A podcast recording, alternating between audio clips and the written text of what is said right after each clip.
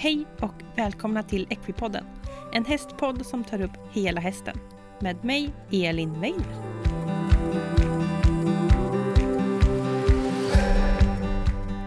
Hej alla lyssnare och välkomna tillbaka till Equipodden och till veckans avsnitt.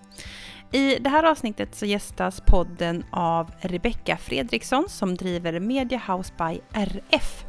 Och vad är då det här? Jo, Eh, Mediahouse by RF är ett företag som arbetar med marketing, eh, influencer marketing och sociala medier. Och Rebecca och jag, vi pratar just om personligt varumärke, hur man arbetar med sociala medier, hur ska man tänka för att bli stor, alla de här algoritmerna och massa, massa saker. Det som är det intressanta i det här det är att Rebecca har valt att fokusera just på hästbranschen och hästnäringen och eh, arbeta med eh, stora profiler inom ridsportvärlden när det kommer till influencer marketing och sociala medier. Och eh, vi pratar mycket om att ridsporten är lite föråldrat, att eh, det inte riktigt fungerar på samma sätt som för andra sporter till exempel när det kommer till betalda samarbeten. Och eh, hur, hur man ska försöka ändra på det här och hur det ska försöka bli bättre i framtiden. Rebecka delar med sig av massa tips om du tycker om sociala medier och, och, kanske vill växa eller bara bli bra på att lägga ut saker. Alla har vi ju olika förhållanden till sociala medier men i det här avsnittet får man verkligen kött på benen om man tycker sociala medier är roligt. Rebecka är ju helt fantastisk och grym på alla sätt och delar med sig av konkreta tips och det här avsnittet har jag längtat efter att få släppa. Jag tycker det var så kul och jag har redan testat massa tips som Rebecka har eh, delat med sig av på mina sociala medier och det är så häftigt och roligt. Så jag tänker att nej, vi bara kör igång och kastar oss in i det här härligt glada positiva avsnitt. Då vill jag hälsa välkommen Rebecka Fredriksson. Hej! Hej, hej! Tjena! Hej, hur är allt med dig? Jo då, det rullar på. Nu börjar det bli vår och närmar sig sommaren så det är härligt och väldigt kul att få äran att vara med här. Det är fantastiskt fantastiskt kul att du vill vara med i Equipodden. Ja, ja, tack snälla för frågan.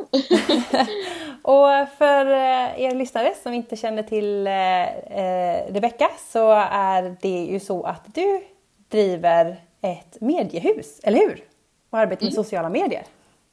Ja men precis! Ja, jag heter ju Rebecka Fredriksson och driver Media House by RF mm. som är Sveriges enda, enda renodlade mediebolag inom ridsport som fokuserar sig på influencer marketing som det så tjusigt heter.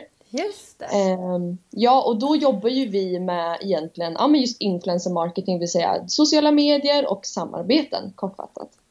Spännande och det ska vi ju prata massor om. Vi ska prata om eh, sociala medier, vi ska prata om hur man lägger upp ett personligt varumärke och just lite så sponsring och samarbeten kopplat då till sociala medier. Så det är ju det som dagens avsnitt ska handla om. Eh, men vi kan väl börja med att du får berätta lite om eh, vem du är och var du kommer ifrån och vad du gör och sådär. Mm. Ja men absolut. Jag är precis 25 år fyllda Mm. Kommer från Norrköping så jag ber om ursäkt om min östgötska lyser igenom. Det brukar jag göra ibland. De här jäkla vokalerna. Ehm, och är, ja, har tre egna hästar och bor ja, utanför Norrköping idag och jobbar heltid med mitt företag. Mm. Och just eh, ridsport har ju varit med mig precis som många andra väldigt länge, hela livet. Alltid varit väldigt intresserad av hästar och ridit både hoppning och dressyr på lite olika nivåer.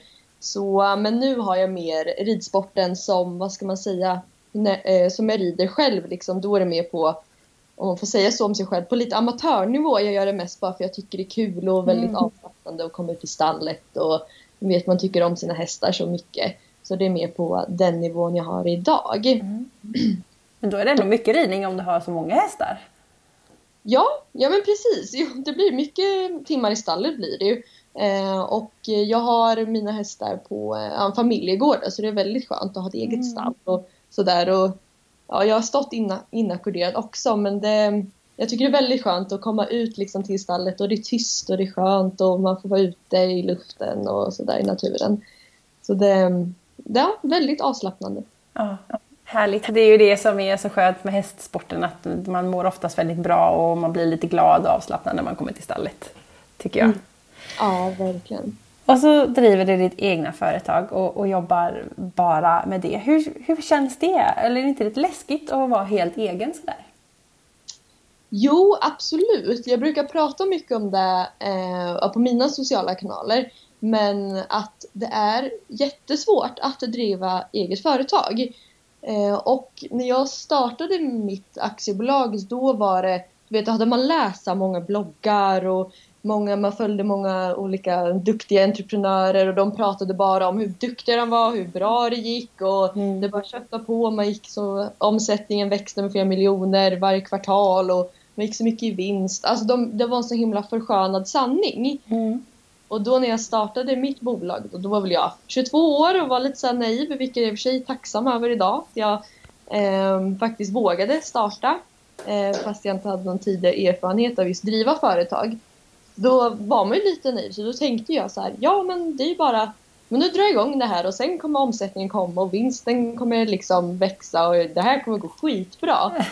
Eh, men sen så, ju, ju mer man liksom sätter sig in i det så inser man ju att nej men det är inte så lätt som det kanske syns eller så ser ut att vara om man följer någon, till exempel Isabella Löwengrip, nu i och för sig hon har varit med om en liten skandal där för något mm. år sedan. Mm. Men innan det så var det ju väldigt förskönat liksom. Mm. Um, så det, det blev ju en reality check verkligen uh, när jag väl kom ut och började arbeta med det uh, på heltid för ett år sedan. Men uh, för när jag hade startat företaget, då pluggade jag under tiden och då läste jag i olika perioder 200 procent. Mm. Så då var det vilande egentligen första året. Och sen när jag blev klar med studierna så kände jag så här, nej, men nu antingen så får jag göra det här fullt ut eller så skiter jag i det liksom. För lite grann om man ändå ska dra igång ett företag med en affärsidé som man tror på så, så känns det ju lite tråkigt att göra det halvdant ifall mm. jag hade ett annat jobb. Jag är utbildad ekonom och har en dubbelkandidat. Så jag, jag skulle kunna få ett annat jobb, liksom, eller hur man nu ska uttala sig.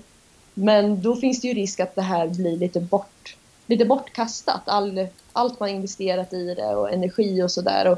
Så då kände jag, nej, men eh, hade lite sparpengar. Så tänkte jag, men nu har jag ungefär två månader på mig att se till att jag börjar dra in tillräckligt mycket pengar så jag kan livnära mig på det. Mm, smart att tänka så. Ja, ja, det beror nog på vem man frågar.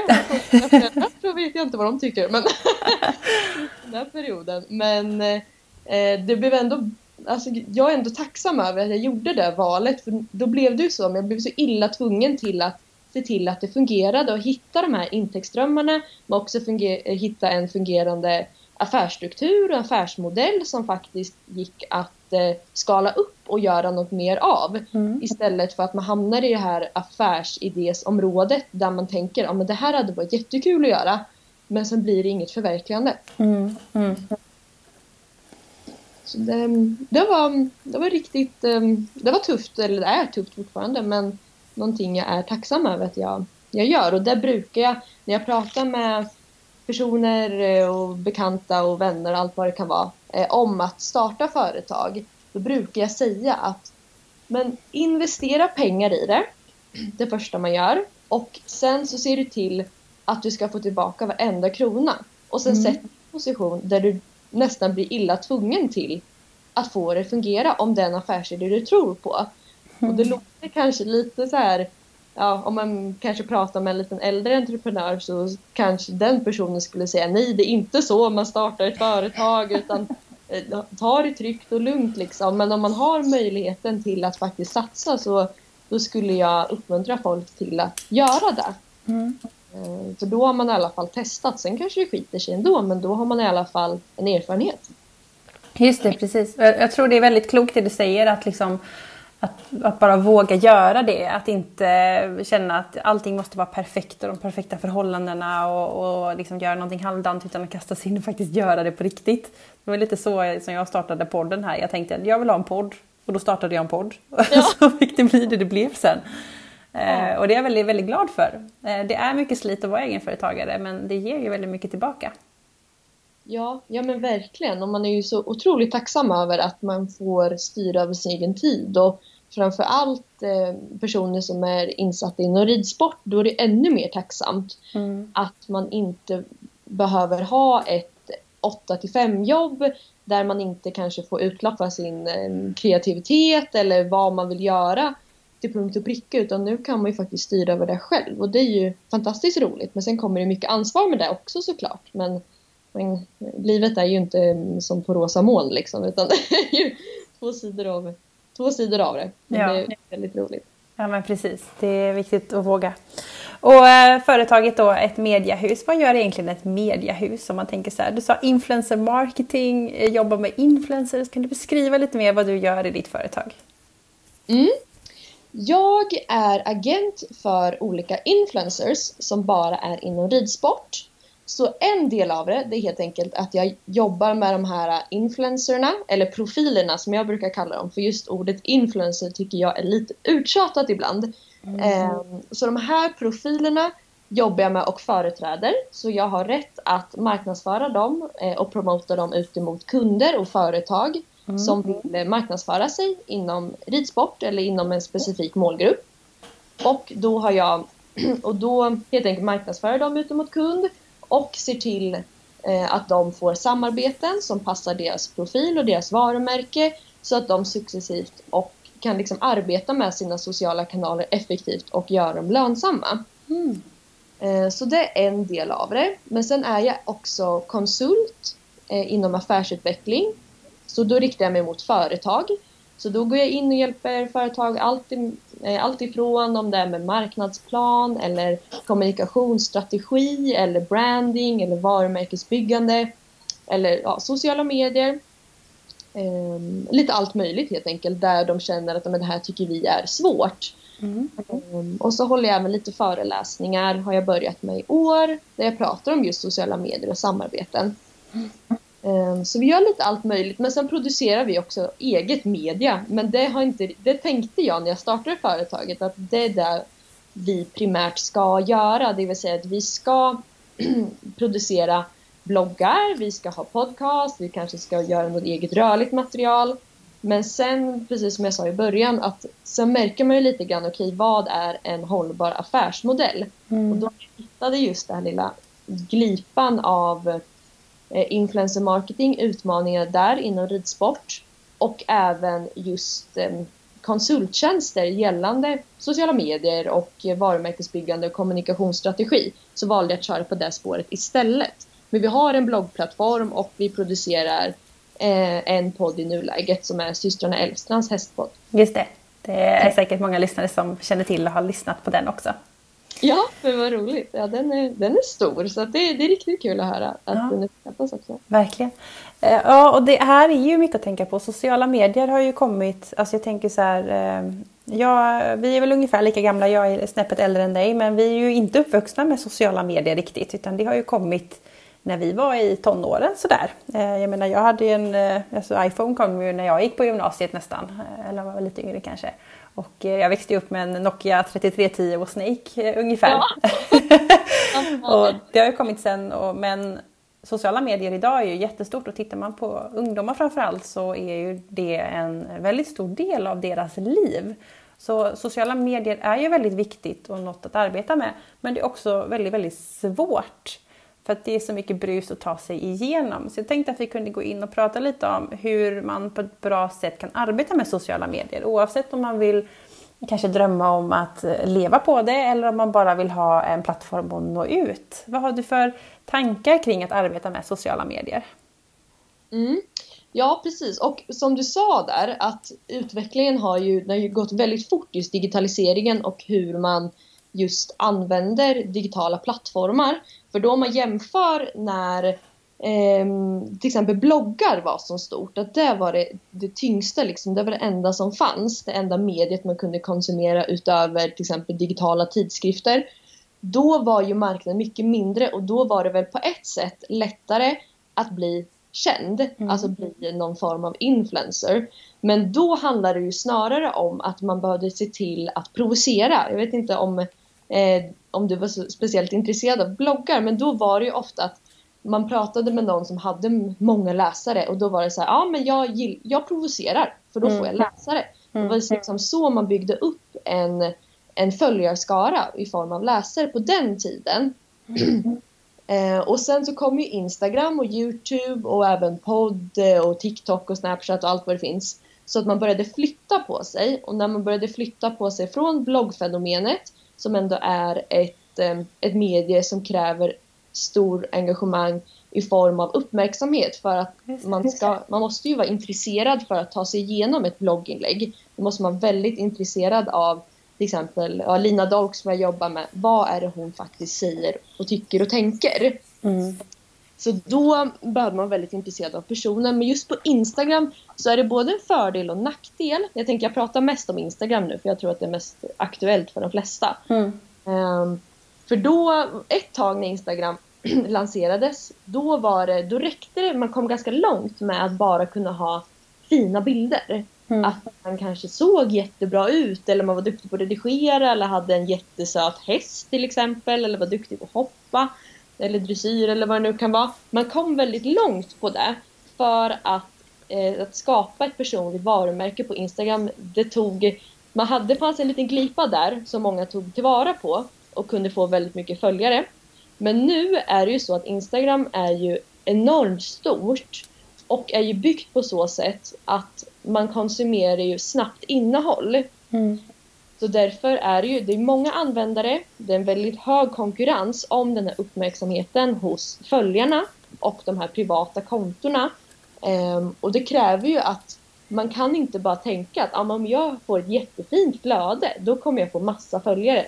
Det räcker inte längre idag. Mm. Man måste veta mer om, okej, okay, vad är det för unikt med ditt konto till exempel, om man vill växa.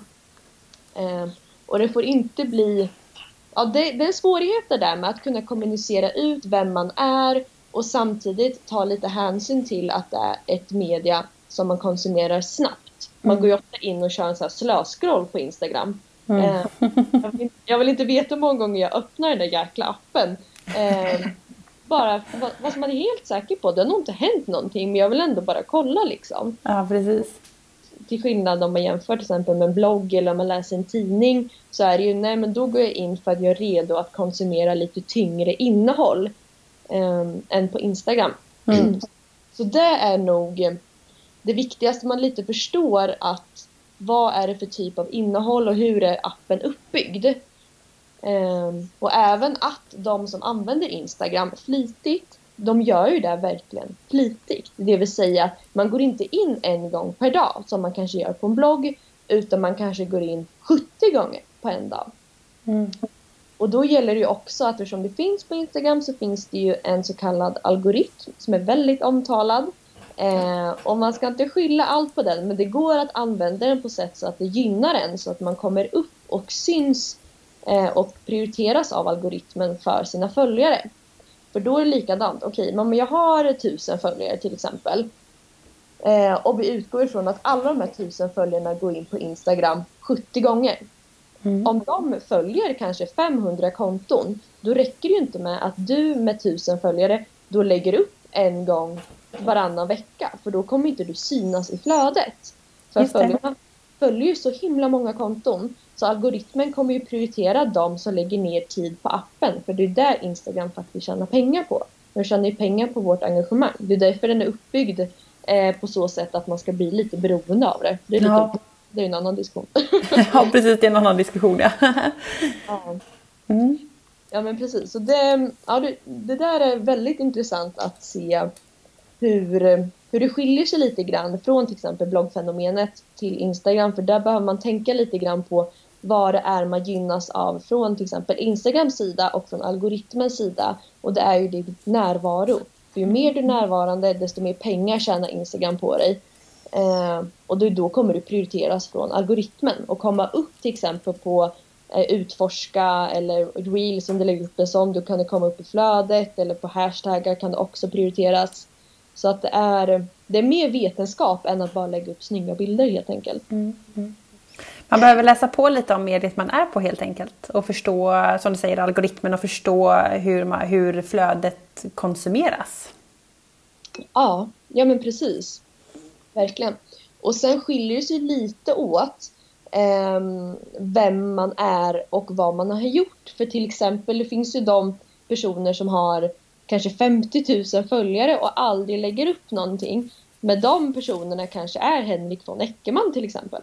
Eh, och då följer man ju honom kanske inte för att man förväntar sig att han ska lägga upp ett inlägg varje dag eller se till att story hålls levande. Utan man följer honom för att man är jätteintresserad och vill stötta honom liksom. Mm. Eh, Så då kanske man, när man väl ser att han har lagt upp någonting, ja det var ju kul, men man kommer ju inte avfölja bara för att han inte uppdaterar på några veckor. Nej, Eh, precis. Så det är lite skillnad beroende på om man är, vad ska man säga, om man är känd sen innan eller inte liksom. Just det, just det.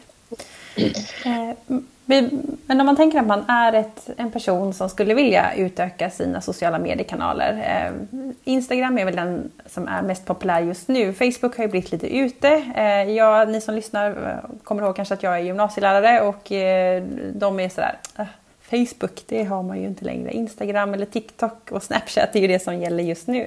Men om man skulle fokusera lite på kanske eh, Instagram då, om man vill ha ett konto som man vill ska växa. Vad har du för bra tips att dela med dig om det? Mm. Ja, precis. Alltså det första man kanske då ska bara tänka på, precis som du var inne på, att det finns ju olika plattformar. Och de här plattformarna är ju till för olika typer av personer. Mm. Så om vi tar till exempel Facebook och Instagram. Då Facebook används ju och konsumeras ju primärt av en äldre målgrupp. Eh, samtidigt som Instagram är väl lite det här mellanskiktet. Eh, och TikTok är ju för yngre primärt. Det är ju väldigt mycket under 20 år och yngre, det där är stort. Så det första man kanske ska tänka sig ifall man vill jobba lite mer seriöst och, få, och kunna växa på sociala medier, det är väl att kolla på, okej okay, vilken plattform finns jag på? Vem, vem vill jag nå ut till med, med mig själv, liksom, med mitt konto? För om det är så här, en liten fördom mot TikTok, jag tycker TikTok är jätteroligt, men en fördom mot just den appen, det är ju att den är väldigt mycket, vad ska man säga, den fyller ett stort bekräftelsebehov. Det vill säga Mm. att folk blir ofta kända på TikTok och får bekräftelse. Att det inte är så mycket mer eh, innehåll än till exempel att man kanske är snygg eller man är duktig på att dansa eller man är rolig. Men själva innehållsskapandet tar ganska slut där. Till skillnad från till exempel Facebook där man kan skriva längre och mer innehållsrika texter. Och då vänder man sig automatiskt mot en målgrupp som är van att konsumera mer innehåll. Det vill säga som orkar sätta sig ner och läsa ett innehåll som kanske tar eh, fyra minuter att läsa. Mm. Och samtidigt på Instagram når man ut till den här lite mellangruppen och jag tror att det är därför just Instagram är kanske lättast att göra lite, vad ska man säga, succé inom och växa på. För att eh, man når ut till en målgrupp som kan eh, konsumera text men också vill se fina bilder och se regelbunden uppdatering. Just det, just det. Men om vi tar då till exempel, nu kör jag vidare här. Kör på! Ja, men om vi tar Instagram till exempel. Alltså det viktigaste man bör ställa sig då det är väl egentligen okej, okay, vad är det som är unikt med mig? Alltså vad vill du bli känd för? Um, och då brukar man prata om USP, Unique Selling Point eller nisch. Um, det vill säga att det här, som sagt, att bli känd för att man bara har snygga bilder. Det är ingenting du kommer bli ihågkommen för om du inte är till exempel en fotograf. Mm. Fotografer kan ju köra på den, för det är ju det de gör. Men en annan person som kanske inte är fotograf, det blir väldigt svårt att bara konkurrera om snygga bilder. Eller om man har en söt häst, utan det måste vara någon mer. Mm. Eh, och då brukar jag prata med, om jag eh, diskuterar antingen med ett företag eller med en profil, alltså ett, ett personligt varumärke, så brukar jag säga att försök se ditt Instagramkonto som ett företag. Det vill säga att du måste ha en USP, alltså en, någonting som är unikt med dig och dina kunder blir i första hand följare. Mm. Och vad som är fördelaktigt med att ha den inställningen det är att man får lite perspektiv på okej, okay, vad jag ska producera och vad är det som fungerar och vad är det som inte, som, och vad är det som inte fungerar. Um, och att då kanske man till och med vågar pusha sig lite längre till att producera innehåll som man kan tycka kanske, åh nu kanske det blev lite töntigt här eller nu blev det kanske lite uh, det här är inte helt bekväm med och man kanske blir lite svensk men om man ser det som någonting externt ifrån sig utan snarare så här, ja men jag kanske vill marknadsföra eh, min USP är att jag är eh, jätteduktig på att laga mat. Eller vad det nu kan vara. Eller göra eget hästgodis eller Mm. något sånt. Eh, att då om det blir din USP, då vet du lite grann, okej hur ska jag skapa innehåll utifrån min USP för att engagera rätt målgrupp? Mm. Eh, Så att det inte blir att, ja men om du snackar om att, hur du gör hästgodis eller lagar mat, ja men då kanske inte du ska börja prata för mycket om mode om det inte är det dina följare är intresserade av. Då skalar man också bort det lite grann och man kanske vågar pusha sig lite inom sin USP för att eh, skapa innehåll som blir ännu bättre. Mm. Helt enkelt. Så det är det första jag brukar säga till folk, att det ska ni verkligen lägga lite energi på. Just det. Och, och lägga lite tid och analysera och inte bara tänka att jag startar ett konto och kör. Helt enkelt. Mm.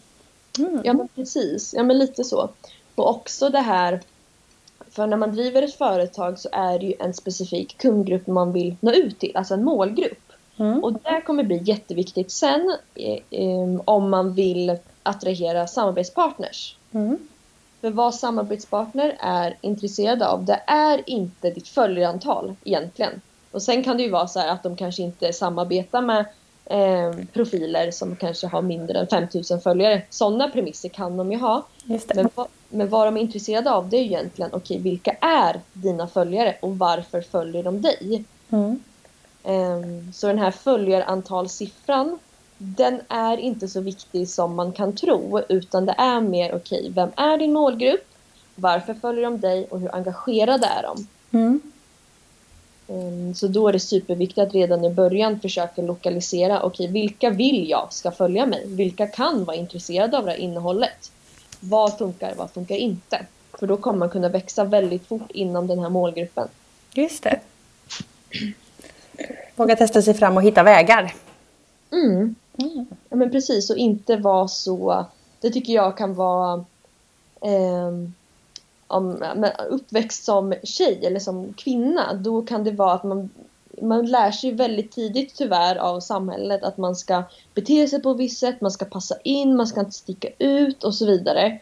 Mm. Eh, och det tycker jag ändå är ganska befriande med sociala medier, att det är en plattform som är kvinnodominerad, där man har möjlighet att faktiskt egentligen göra precis vad man vill så länge man är snäll och inte gör något olagligt såklart. Eh, men att där har man möjlighet att faktiskt göra precis vad man vill. Att om det kanske är att man lägger upp eh, galna sminkningar eller hoppar hinder bak och fram på hästen, inte vet jag. Eh, men det finns möjlighet för det samtidigt eh, som man har lärt sig att nej men du ska inte sticka ut och du ska vara så här och passa in och man ska se ut på ett visst sätt samtidigt som sociala medier ändå öppnar upp för en marknad där man får lite fria tyglar och det tycker jag är befriande så länge man vågar lämna den här eh, inpräntna normen att du ska vara på ett visst sätt. För det är ofta då man skapar innehåll som faktiskt är intressant. Just det. Det tror jag också är viktigt och att eh, det är befriande att få komma ut och göra det man vill och det man tycker om. Eh, Det tycker jag känns väldigt bra. Jag tänkte vi skulle koppla tillbaka lite grann. för Vi pratade, eller du har ju babblat på här och vet jättemycket spännande verktyg och infallsvinklar måste jag säga. Eh, Men vi pratade lite om engagemang och du nämnde målgrupp och att liksom man har följare som har ett engagemang och det är ändå eh, jag upplever kanske att förr pratade man mest om att ha antal följare men att det nu mer verkar switcha över till att det gäller att ha ett engagemang. Vad innebär ett engagemang och hur bygger man det? Vad har du för tips där? Mm. Engagemang är ju precis som det låter, det vill säga hur engagerade är dina följare i ditt konto? Mm. Eh, och egentligen anledningen till varför jag tror att engagemang har blivit det till exempel företag kollar mest på, det är att det finns så oerhört många konton som har köpta följare, eller spökföljare, eller olika robotar. Eh, och då spelar det ingen roll, alltså om du har 10 000 följare varav 90% av dem är datorer eller Mm. robotar, då, då spelar inte de här 10 000 någon roll. Men om du istället har 5000 följare varav att eh, majoriteten av de följarna är väldigt engagerade i vad du säger och vad du tycker, då kommer ju det här företaget kunna nå ut till en målgrupp. Mm. Ehm, och just det här med engagerade följare, det tycker jag man ska prioritera väldigt tidigt och fort för att det blir också väldigt mycket roligare att driva ett, till exempel ett Instagramkonto med personer som faktiskt är engagerade. Annars blir det som att man håller, håller monolog inför en jätteuttråkad skolklass. Ja, just det. Eh, istället om man sitter där och har en dialog, för det är en tvåvägskommunikation. För sociala medier är ju sociala. Eh, så att det får man inte glömma bort, att se hela det här som att du försöker kommunicera ut till dina följare och de ska svara och de ska ge respons. um, och det här engagemanget, då brukar man prata om engagement rate. Eh, och det kan man räkna ut på hela kontot. Man kan bara googla på engagement rate calculator så finns det massa olika webbsidor där man kan räkna ut. Och så mm. finns det olika nivåer man ska ligga på beroende på hur mycket följare man har. Eh, och då, eh, för att kunna höja det engagemanget, då, ser det ju, då är det ett, eh, ett väldigt bra tips. Det är att man faktiskt använder de funktionerna som Instagram har. Eh, och då om vi kopplar tillbaka till den här omtalade algoritmen. Mm. Så den gynnar konton som använder nya funktioner och som använder de verktygen som finns på Instagram. Så att ifall man bara skulle posta i in, som ett inlägg hela tiden och alla lägger upp en film eller lägger upp flera bilder, alla använder ett filter, då kommer man automatiskt prioriteras lite lägre av algoritmen och inte visa dina inlägg för följarna. Mm. Men om du istället lägger upp lite reels, kanske testar en eh, IGTV, använder story, använder de här polsen som det heter på story, det vill säga till exempel omröstning, frågor eh, och så vidare. Då kommer du prioriteras av algoritmen. Eh, vilket gör att du, dina stories kommer hamna längre och längre fram. Mm. Och dina inlägg kommer hamna eh, längre och längre upp. Och det kommer innebära att det är fler som kommer kolla på dina stories, det är fler som kommer engagera sig där. Och när du lägger upp inlägg så kommer fler få upp det i sitt flöde. Och det, om du lägger upp då ett, inne, ett innehåll, ett inlägg som är eh, alltså accurate, vad säger man, passande för målgruppen. Då kommer du få ännu fler likes, du kommer kanske få ännu fler kommentarer, du kommer få delningar, det kommer vara folk som sparar inläggen. Och allt det gynnas också av algoritmen. Eh, så det är liksom att försöka se lite eh, utanför boxen där och inte bara tänka okej okay, jag ska lägga upp en söt bild i flödet någon gång.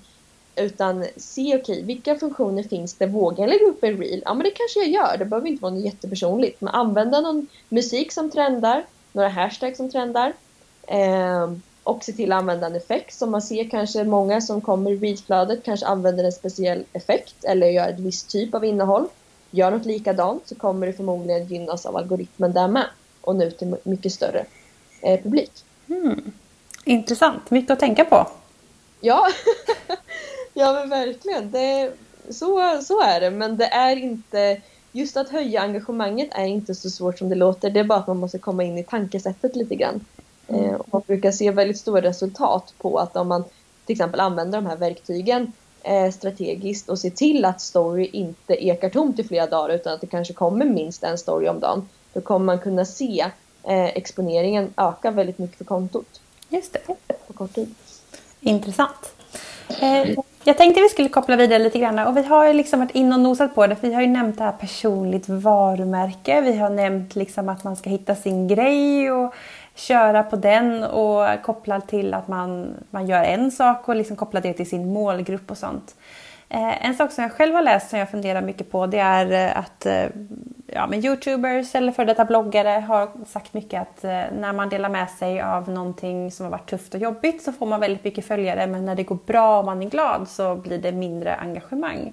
Jag tänkte att jag skulle vilja höra din syn på vad ett personligt varumärke är och koppla det lite till måste jag vara jättepersonlig och lite det här drama vi pratade om liksom för att man ska provocera. Eh, måste man göra det eller finns det andra vägar att gå? Mm.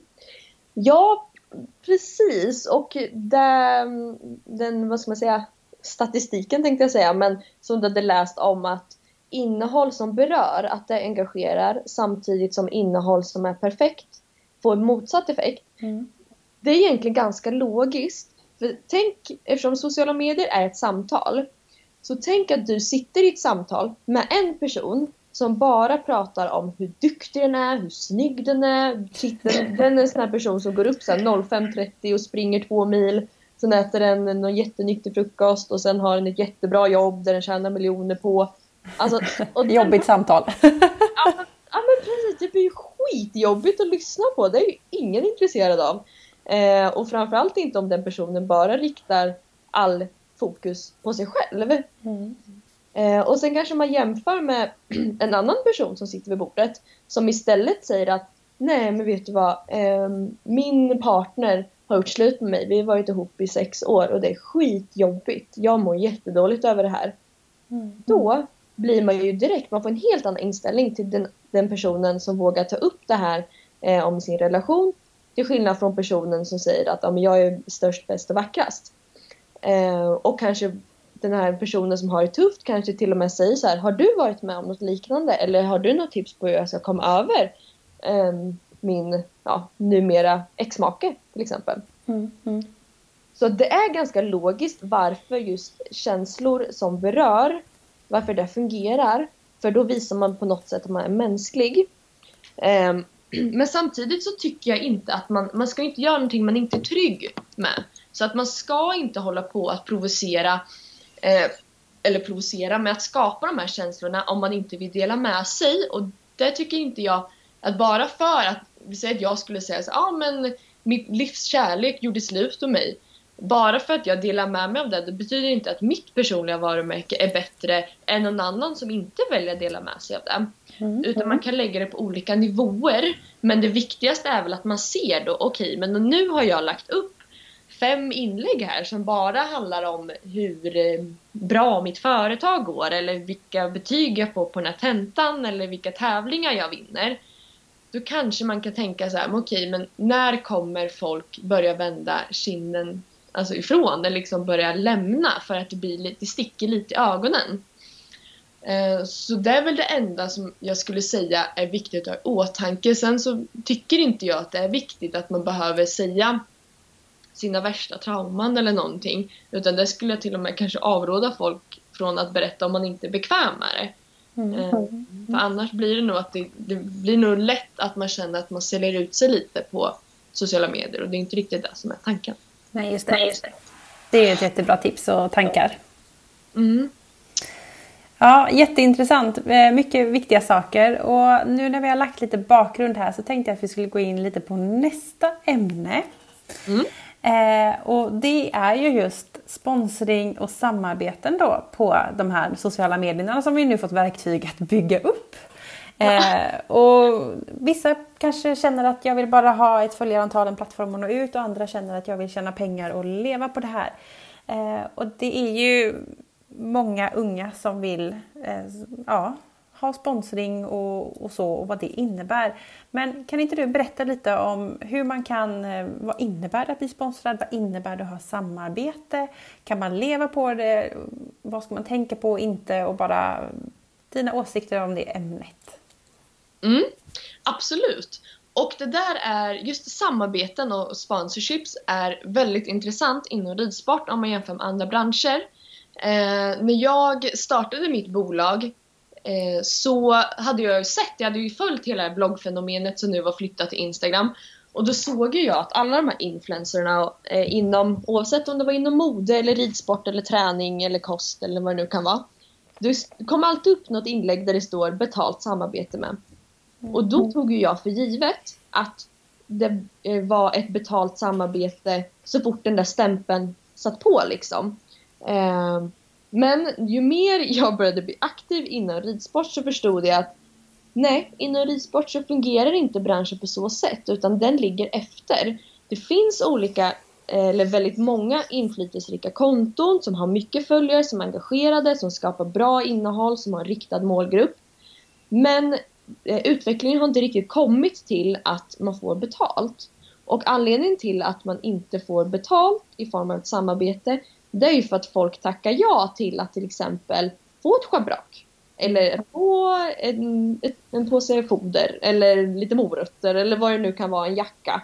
Och så säger företaget, ja men då är de jättetillmötesgående och säger så här, ja men det här, vi tycker om dig jättemycket, vi vill sponsra dig. Eh, du, du får de här kläderna av oss och du ska skriva om, skriva om oss i ett års tid. Du får inte jobba med någon annan. Och man blir smickrad. Mm. Och jag förstår bägge parter i det egentligen. Jag förstår om ryttarna känner att ja men vad häftigt, jag kan bli sponsrad av det här företaget, jag tycker det är jättekul. Och företaget känner att ja, men det här funkar ju, varför ska vi börja betala för någonting när vi kan få det gratis genom att ge ut produkter? Mm. Eh, så det, en, det första jag vill säga det är att om man ska göra ett samarbete så ska man alltid få betalt. Oavsett om du har två följare eller om du har 50 000 följare. Att gör aldrig någonting obetalt. Eh, och anledningen till det, det är att företaget har råd att betala dig. Om ett företaget har eh, råd att till exempel ha en monter på någon av de här mässorna eller ens funderar på att marknadsföra sig, då får man betala för det. Man går ju inte till ICA och säger att mm, jag, ska, jag vill köpa de här grejerna men jag tänker inte betala för det men du kanske kan få en kram av mig. eller något sånt där. Eller man kör någon form av byteshandel liksom. Så funkar det ju inte och så ska det inte heller funka inom ridsport. Um, så det är väl steg ett, att sätta upp det som policy. Att oavsett hur mycket följare jag har så ska jag alltid få betalt. Mm. Ehm, och just prissumman där, den bestämmer man själv och det finns inget rätt eller fel hur mycket du kan ta betalt eller hur lite, utan det bestämmer man själv. Och det får jag väldigt mycket frågor om att okej, okay, men jag har så här mycket följare, vad kan jag ta betalt? Så är det så här, ja men hur mycket tid kommer du lägga ner på att producera materialet åt det här företaget? Ja, då kanske man börjar med åtta timmar till exempel. Okej, åtta timmar. Så sätter du timarvode på det.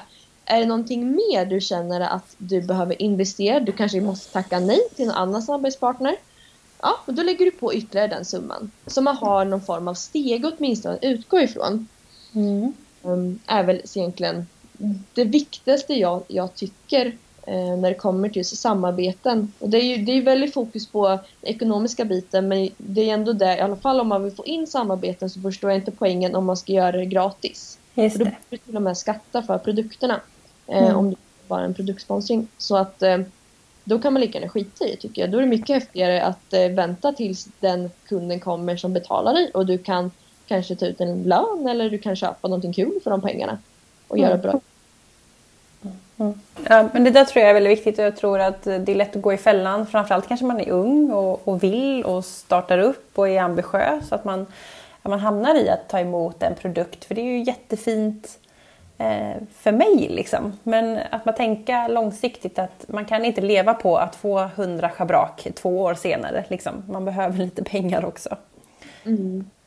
Nej men precis och så är det ju verkligen. Och, och även så här, nyttan per varje schabrak man får, den sjunker ju väldigt drastiskt. Mm. Att första gången du får ett, ett schabrak i form av ett samarbete, alltså i betalning, då kanske du känner dig skitcool och tänker nu jäklar nu kommer framgången. Sen får du tre till och tänker ja men de här ser likadana ut och ja jag har redan massa schabrak där hemma. Nyttan försvinner väldigt fort till skillnad om du får betalt. Eh, för pengarna kan du göra någonting med och du, det är ett jobb, man ska se det som ett arbete. Eh, och framförallt om man vill jobba professionellt med det. Mm, mm, mm. Ja, jag tror just att eh, i ridsporten är det så mycket, vi lägger så mycket tid på hästarna och det är ju olönat arbete. Så jag tror det känns som att man är så van vid att tid liksom rinner iväg och jag får inte betalt för den. Men att komma ihåg att eh, det är viktigt att ta betalt för sin egen tid. Mm. Jätteviktigt, precis. Och då även så kan man ju tänka sig, ja men ridsport är också kvinnodominerad, influencer marketing är också en bransch som är dominerad av kvinnor. Då kan jag också känna lite så här, inre feministen i mig. att det är väl klart som tusan vi ska ha betalt. Varför ska vi nöja oss med att få en produktsponsring? Nej! Om det hade varit tvärtom, om det hade varit um, kanske lite mer mansdominerat, då är det inte säkert att det hade varit samma inställning. Men det är ju bara att vi måste stå på oss. Mm. Um, för företagen, jag menar inte att snacka skit om företagen, för jag förstår varför de gör så. Det är ju bara att man får vara trevlig och säga att nej men jag vill ha det här arvodet för det här jobbet, annars måste jag tacka nej. Mm, mm. Och stå för det sen. Ja. ja men precis, och det är bara att testa sig fram. Och sen dock gäller det ju att man är påläst. Man kan ju inte höra av sig till massa företag och säga Hej, jag har 5000 följare. Eh, vill ni ha ett sponsrat inlägg hos mig för 25 000? Eller man slår på någon sån här lite högre summa. Mm. Eh, utan att vara påläst om vad är det för företag, vem är din målgrupp, Varför ska de synas hos dig? Hur ska de göra upplägget? Har du några tidigare erfarenheter eller några tidiga meriter att visa upp eller kampanjer? Eh, något förslag på hur man ska gå tillväga? Man måste ju vara påläst också för annars är det ju mm, lite dålig stil tycker jag om man bara hör av sig och spammar företag med eh, erbjudanden och sen kan man ingenting om sin målgrupp till exempel, sin eh, följarskara. Man kan ingenting om företaget eh, och man vågar inte förhandla. Så mm. det tycker jag också är viktigt i just när man börjar eh, rikta sig mot företag för att få ett, en samarbetspartner. Mm. Mm. Jag tror jag, ja, det är väldigt klokt att du säger det och just att tänka liksom, vad får företaget ut att jobba med mig? Mm. Ja men verkligen, precis. Um, och även där, ett tips bara om det är någon som lyssnar nu som kanske har ett eh, konto eller jobbar för att få ett konto där man vill få in samarbetspartner. Det är ju att man lämnar lite fokus på sitt intresse. Alltså lämna, våga lämna ridsporten lite grann och se till exempel dina följare från ett externt perspektiv. Att mm. okej, okay, hur gamla är de? Vart bor de? Vad är det de reagerar på? När är de närvarande? Eh, vad har de för intressen? Det kanske finns massa följare hos dig som inte ens tycker om hästar. Då kan ju inte du prata om eh, hur bra det gick, på dig, eller gick för dig på en regional tävling för det här företaget skiter ju i det. Du är egentligen bara en kanal för att nå ut till den här målgruppen. Mm, mm. Prata inte så mycket om dig och ditt intresse eh, utan prata mycket om vilka du faktiskt når ut till. För det är där företagen köper. De köper ju uppmärksamheten från dina följare. Just det. Det är så klokt sagt att säga att liksom jag är en kanal eller den personen är en kanal för ett företag att ta sig ut till potentiella kunder eller liksom en följarbas. Att man ska bara liksom vidarebefordra det på något sätt. Det, det är väldigt klokt sagt. Ja, tack. Eh, jag tänker vi har pratat här om eh, massa tips och tankar och konkreta saker. Eh, och om man nu känner sig motiverad, men lite som vi pratade i början, det kan vara lite läskigt att starta eget företag. Det kan vara lite obehagligt att gå all in eller att satsa på någonting. Vad hjälpte dig att våga faktiskt göra? Och har du några tips till om det är någon nu som funderar eller har en affärsplan eller tanke eh, idé som man har gått med ett tag men inte riktigt tagit steget. Vad, vad har du för tips för att verkligen kasta sig ut över klippan? Mm, mitt, mm, om man ska se vad jag gjorde, eller vad jag tyckte funkar för mig, eh, det var väl egentligen att när man hittar en idé man inte kan sluta tänka på. Mm. Att det är en idé som du känner att och det ska inte handla om att oh, men det här kan jag tjäna mycket pengar på utan det ska vara en idé som du känner att men det här vill jag ska bli en del av mitt liv.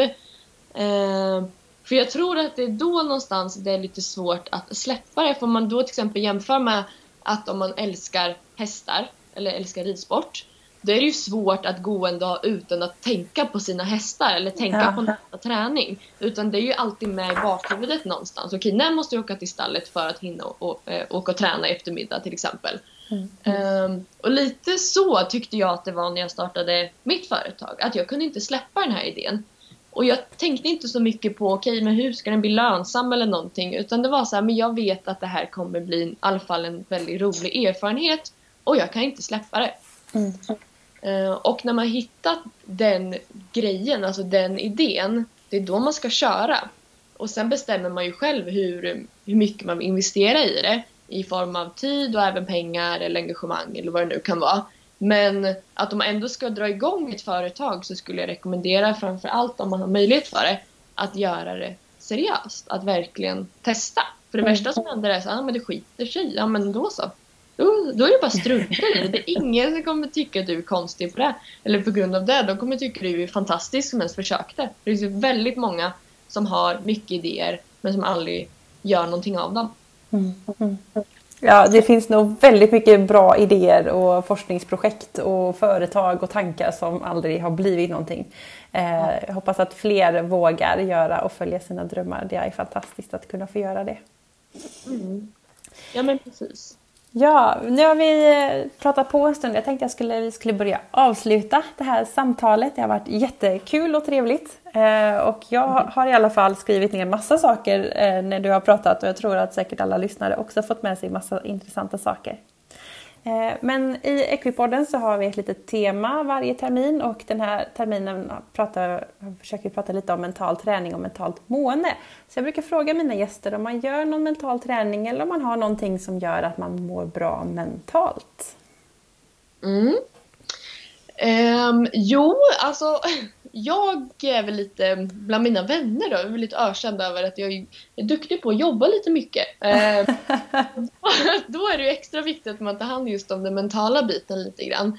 Eh, för att orka, men just så personligen så tycker jag att just att komma ut till hästarna gör jättestor skillnad. Att komma ut och få någon form av avkoppling och även att man kanske då tar några minuter till. Jag har eh, en av mina vänner håller på med just mental träning så jag har fått lite olika så här, inspelningsklipp där hur man kommer ner i varv och bara är i nuet. Mm. Att försöka tänka in, okej, okay, hur ser omgivningen ut? Är, hur känner jag mig? Hur känner jag, luktar det något speciellt? Är det något ljud jag hör? Bara så att man faktiskt är i nuet lite grann. För annars är det så lätt att man fastnar i de här tankarna här uppe. Och sen har man varit i stallet i tre timmar och inte har knappt märkt det. För man har gått och tänkt på ett mejl till exempel. Alltså, det, så just lite så avslappningsövningar och komma ut och röra på sig tycker jag fungerar jättebra för mig. Mm. Det är superbra tips. Det finns ju många så här, bara stanna upp, andas lite grann så får man liksom en, ett lugn i kroppen. Och det, eh, man mm. glömmer lätt det. Jag känner själv att andningen ibland kan gå upp sådär högt och axlarna i öronen och så, ah, så kör man. Men ta djupa andetag, ja. det hjälper mycket. Ja men precis, och var lite närvarande då så att man inte sitter där med andan i halsen hur länge som helst. Liksom. Då, då mår man inte så bra där på kvällen sen utan att man använder sinnena och försöker läsa av lite grann så att, man, så att inte livet heller bara springer förbi utan man faktiskt måste ju leva. Just det. Speciellt sådana här dagar när det har varit så fantastisk sol och fåglarna sjunger och eh, alla blommorna slår ut att stanna upp och titta på en vitsippa. det gör mig lycklig i alla fall. Ja, men, eh, fantastiskt. Det håller jag verkligen med om. ja, Rebecka, tack så jättemycket för att du har velat vara med i Equipodden. Det har varit jättekul och så intressant att höra. Jag har lärt mig massor.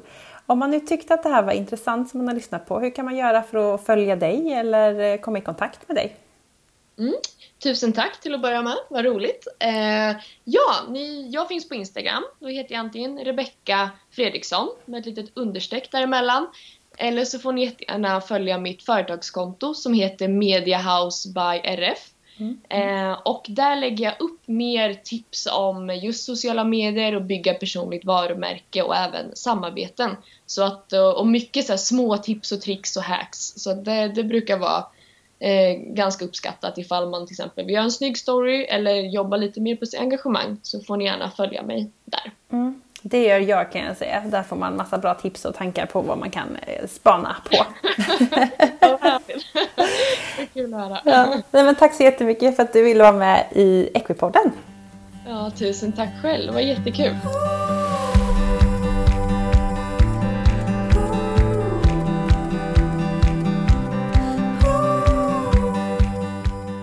Stort tack Rebecka för att du ville vara med i Equipodden. Jag hoppas ni lyssnare tyckte det här var ett intressant och bra avsnitt. Jag har lärt mig massor. Så glöm inte kolla in Rebeckas sociala medier och eh, hennes mediehus på Instagram. Glöm inte också följa Equipodden på sociala medier. Både Instagram och Facebook. Och där finns det massa fakta och spännande saker som kommer komma i podden och du har också möjlighet att påverka vilka frågor jag ska ställa och vilka gäster som ska vara med. Men med det önskar jag dig en fantastisk vecka så hörs vi snart igen. Hej då!